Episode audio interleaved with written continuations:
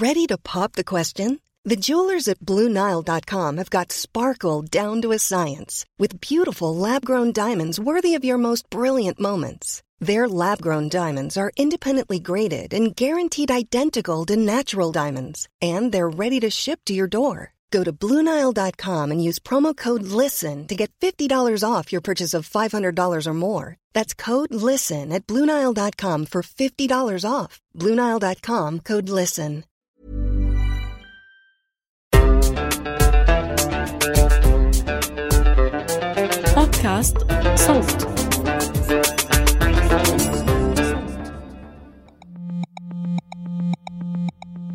سنوات وإحنا بنسمع مصطلح اللامركزية على مستوى المحافظات غير إنه تم إقرار أول قانون بيحمل اسم اللامركزية في عام 2015 وفعلا جرت الانتخابات المحلية بناء عليه عام 2017 لكن في عام 2021 تم تعديل قانون اللامركزية والبلديات وانطوت هاي المصطلحات تحت اسم قانون الإدارة المحلية يلي جرت آخر انتخابات بناء عليه قبل شهر رح نتعرف في هالحلقة على أسباب تغيير اسم القانون وعن فكرة اللامركزية وهل هي فعلا موجودة وهل في أي تحفظات عليها؟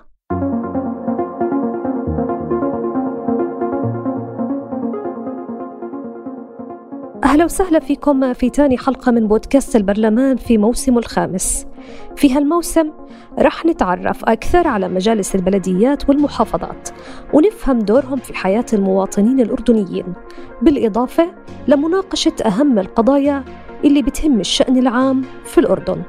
وخلونا نبدأ في تعريف اللامركزية كمصطلح. تعرف اللامركزية أكاديميا على إنها تفويض صلاحيات الإدارة المركزية للسلطات المحلية.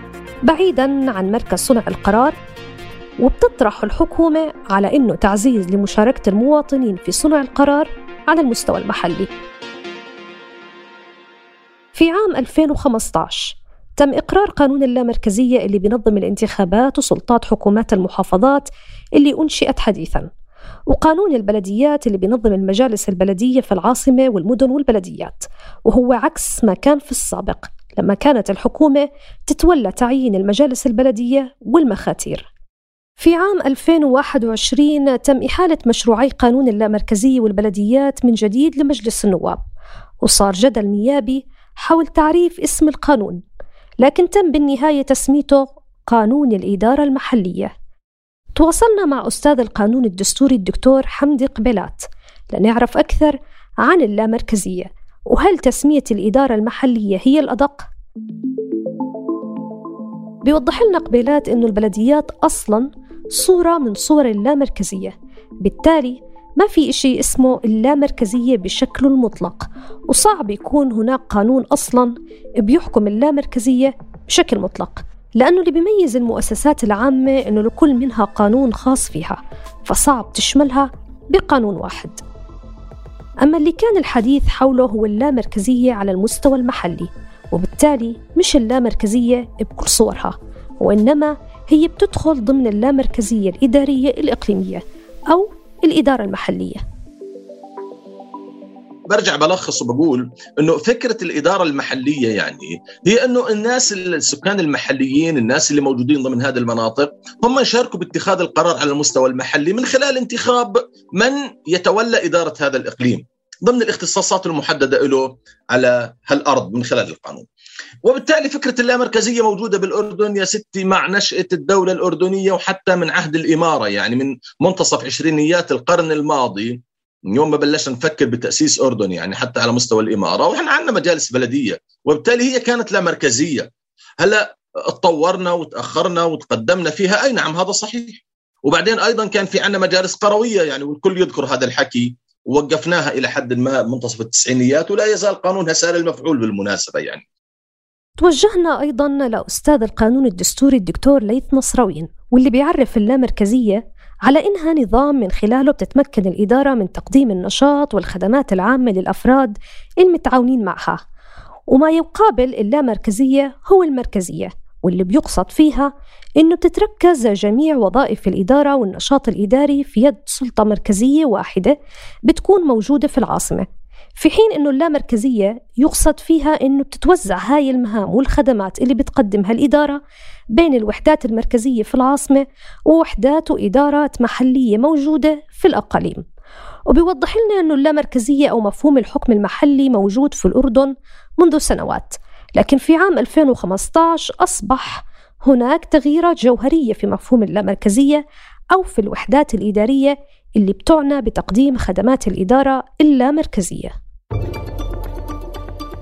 فعندما صدر لأول مرة قانون اللامركزية لعام 2015 والذي أنشأ وحدة إدارية جديدة هي مجالس المحافظات. وجرت الانتخابات بموجب هذا القانون عام 2017 وكانت أول تجربة من تجارب المجلس مجالس المحافظات في الأردن. طبعا عام 2021 بعد أن انتهت مجالس المحافظات التي ومجالس البلدية التي انتخبت عام 2017 تفاجأنا بأن هناك تغييرات جوهرية كبيرة جدا على مفهوم الإدارة اللامركزية في الأردن. أولها تمثلت بأنه قد صدر قوانين جديدة للإدارة اللامركزية، قانون آه، بلد قانون إدارة محلية جديدة وقانون لأمانة عمان الكبرى، فلأول مرة في الأردن تم إخراج أمانة عمان كبلدية من الإطار القانوني الخاص بالبلديات في الأردن وتخصيص قانون خاص لها. كما أنه لأول مرة تم دمج مجالس المحافظات مع المجالس البلدية ضمن قانون الإدارة المحلية، أيضا لأول مرة تم توحيد المرجعية الحكومية الوزارية التي تتبع لها هذه المجالس، في السابق كانت البلديات تابعة لوزارة البلديات ومجالس المحافظات كانت تابعة لوزارة الداخلية. اليوم لأول مرة تم آه، إحالة كل من مجالس المحافظات والمجالس البلدية إلى وزارة الإدارة المحلية. أما في عام 2021 بيوضح لنا أيضا نصراويين التغييرات الجوهرية اللي حصلت في القانون أيضا من التغييرات الكبيرة اللي تمت عام 2021 إلغاء المجالس المحلية والإبقاء على هذه المجالس البلدية. هذا التغيير المفاجئ هذا التغيير السريع والدراماتيكي في التشريعات الناظمة للإدارة المحلية الوحدات المحلية التي تقدم هذه الخدمات يتنافى مع فكرة وجود إدارة لا مركزية ثابتة وراسخة، يتنافى مع فكرة أن الإدارة اللامركزية يجب أن تمتاز بالثبات والاستقرار لكي تقدم خدماتها وأفضل خدماتها إلى المواطنين أو المتعاملين معها. بيوضح قانون الإدارة المحلية لعام 2021 تفاصيل اللامركزية واللي نصت مواده على تشكيل مجلس المحافظة اللي بيتمتع بشخصية اعتبارية مستقلة ماليا وإداريا وحددت أعضائه جزء منهم بيتم انتخابه بطريقة مباشرة. بينما الجزء الثاني نص عليهم القانون رؤساء بلديات مراكز المحافظات والألوية نائب أمين عمان بالنسبة لمجلس محافظة العاصمة أحد مفوضي سلطة منطقة العقبة الاقتصادية الخاصة بالنسبة لمحافظة العقبة وأحد مفوضي سلطة إقليم البتراء التنموي بالنسبة لمجلس محافظة معان وأحد أعضاء مجلس إدارة غرفة الصناعة وأحد أعضاء اتحاد المزارعين وأحد أعضاء مجلس إدارة المؤسسة التطوعية لإعمار مركز المحافظة لكن بنرجع للسؤال الأهم هل فعلا قانون الإدارة المحلية بيعزز اللامركزية على كافة المستويات؟ بشرح لنا قبيلات بأنه المشكلة في فكرة اللامركزية في قانون الإدارة المحلية بتكمن بالاستقلال المالي. بعض المشاريع لا تنفذ بسبب الإجراءات اللي بتكون فيها آه، السلطات المركزية. لذلك يعني في عندي أنا مشكلة حقيقة بمجالس آه، المحافظات. البلديات في موضوع الاستقلال المالي نظريا متحقق بس تبقى مشكلة الموارد يعني مواردهم ضعيفة جدا. ما بتكفي بصراحة للقيام بالمهام المنوطة فيهم وبالتالي يضطروا انه يلجؤوا للسلطة المركزية إنه تدعمهم وتقدم لهم مساعدات. ونرجع مرة ثانية وبنقول إنه من يملك التمويل هو يملك القرار وبالتالي يعني برضه أفقدنا هاي المجالس جزء من استقلالها آه، في اتخاذ القرار من خلال ربط التمويل بالسلطة آه، المركزية. هلأ القضية كمان الكبيرة اللي هي مسألة التغول من السلطة المركزية على الهيئات اللامركزية. هلا حقيقة يعني لو رجعت لقانون الإدارة المحلية وحللت نصوصه سأجد أنه وزير الإدارة المحلية له هيمنة شبه تامة على المجالس البلدية. هذا بنص القانون غير طبعا عن الهيمنة الفعلية. بالإضافة لمشكلة الاستقلال المالي بشوف قبيلات أنه أيضا عندنا مشكلة في المهام والمسؤوليات لمجالس المحافظات واللي بشوفها مقاربة لما كانت في القانون السابق. رح نرجع مرة ثانية لفكرة إنه الاختصاصات مش واضحة، الاختصاصات مطاطة، الاختصاصات عامة، آه، في تداخل بين المجالس المحافظات وبعض الجهات سواء مركزية أو حتى مجالس آه، بلدية، يعني أعتقد يعني التطبيق العملي راح يكشف عن بعض هذه العيوب، لذلك يعني فكرة إنه القانون الحالي عالج كل مشاكلنا السابقة لا لا ابدا ما صار، يعني إحنا مشاكلنا في ضوء قانون اللامركزية. 2015 لا تم تحديدها وحصرها وأخذت حقها الكافي من النقاش. لكن آه، إنه الكل وجد حلول ومعالجات آه، للأسف لا يعني الحلول جاءت كما تراها وزارة الإدارة المحلية تحديدا يعني من وجهة نظرهم بس يعني. ما بدهم يعني يتوسعوا بشكل اكبر في فكره مجالس المحافظات ونصل لمرحله الاستقلال الحقيقي ولمس لمرحله انه والله هذه المجالس يعني تماما منتخبه يعني يبدو انه لهم وجهه نظر في هذا الموضوع. Traditionally, Toys for Tots has been a Christmas time charity. In recent years, the program has evolved into a year round force for good by distributing toys, games, and books to children in need throughout the year. Last year, during their 75th anniversary, the program distributed over 24 million toys to nearly 10 million less fortunate children and provided over 6.3 million books to children in need through their literacy program. Visit toysfortots.org to support their mission. كان مهم نسمع وجهة نظر نائب شارك في مناقشات اللجنة الإدارية والقانونية أثناء إقرار مشروع القانون في عام 2021 فتوجهنا للنائب هاي العياش واللي كان العام الماضي حاضر على مناقشات اللجنة الإدارية والقانونية لمشروع قانون الإدارة المحلية بصفته عضو لجنة إدارية وسألناه عن تضارب الصلاحيات. القانون للأمانة فصل وأعطى كل ذي حق حقه. مجلس البلدي ومجلس المحافظة. فكل واحد له صلاحيات محددة بموجب القانون وما بيقدر يتعدى على صلاحيات الآخر. وما في مجلس راح يأخذ صلاحيات الأخرى. وبتعرف إحنا عندنا بالقانون الإدارة المحلية ثلاث اللي مجلس بلدي مجلس محافظة ومجلس تنفيذي. فكل واحد له حدده بموجب القانون. تم تحديد وهذا كان ميزة إضافية في هذا القانون أن تم تحديد وصلاحيات وواجبات كل مجلس من المجالس إن كان بلدي أو مجلس اللامركزيه أو المحافظة ما يسمى مجلس المحافظة حاليا أو المجلس التنفيذي. فكل واحد اعطاه إيش برنامج إيش الأهداف وإيش الصلاحيات الممنوحة للمحافظات. مع ذلك بيعول النائب عياش إنه بتتضح المسؤوليات أكثر بعد الانتخابات الجديدة وفق القانون الجديد. في القانون السابق أكيد ما كان في لهم صلاحيات كثيرة. وكان في نتيجة للتطبيق لأول مرة كان هناك يواجهوا عده إشكاليات في القانون الحالي وبداية انطلاقته. سيكون كل واحد له صلاحياته في إنه يحدد الموازنة تبعته.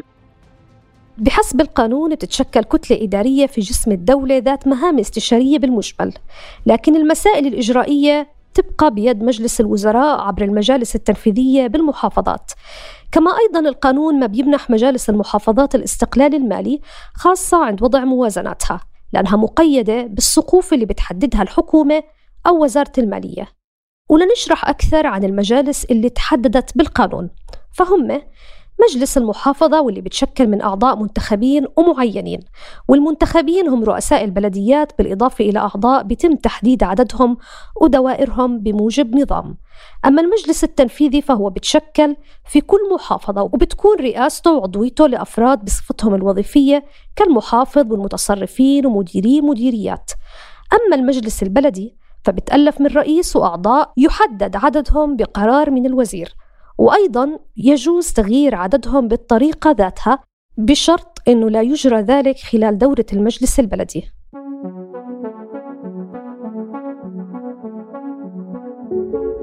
رئيس بلدية إربد الكبرى الدكتور نبيل الكوفحي بيوضح لنا رأيه بأنه ما زال هنالك تشوهات في التشريعات اللي بتحكم العمل البلدي.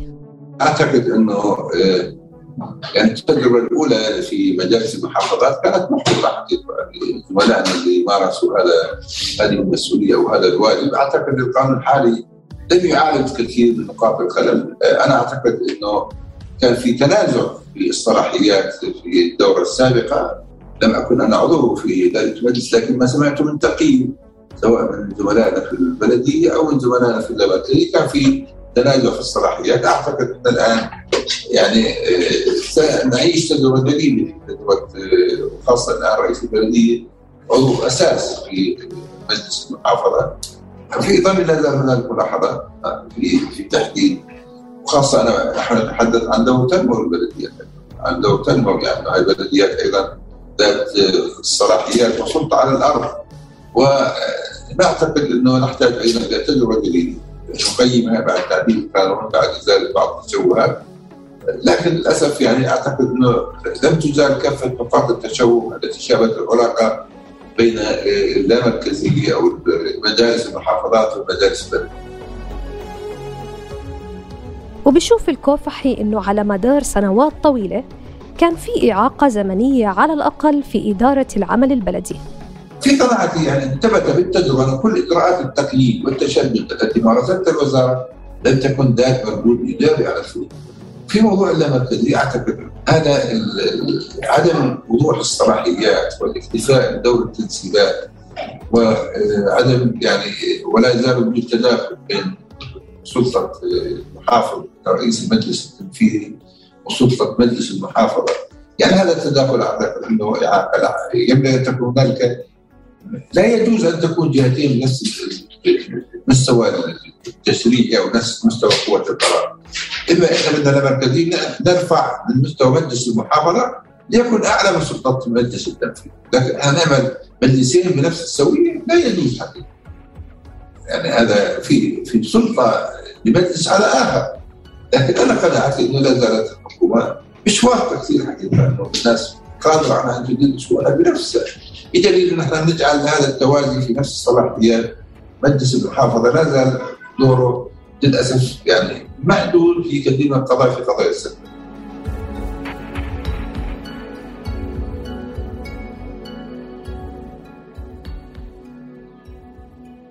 بالنهاية القانون ما بيمنح مجالس المحافظات الاستقلال المالي خاصة عند وضع موازناتها لأنها مقيدة بالسقوف اللي بتحددها الحكومة.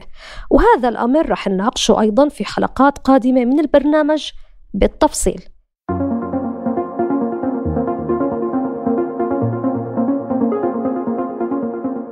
في ختام هالحلقة من بودكاست البرلمان هاي تحيات فريق العمل محمود أبو ندى من الهندسة الصوتية من التحرير عمر فارس من البحث بيان عاروري وأنا هبة عبيدات من الإعداد والتقديم. بودكاست البرلمان من إنتاج صوت.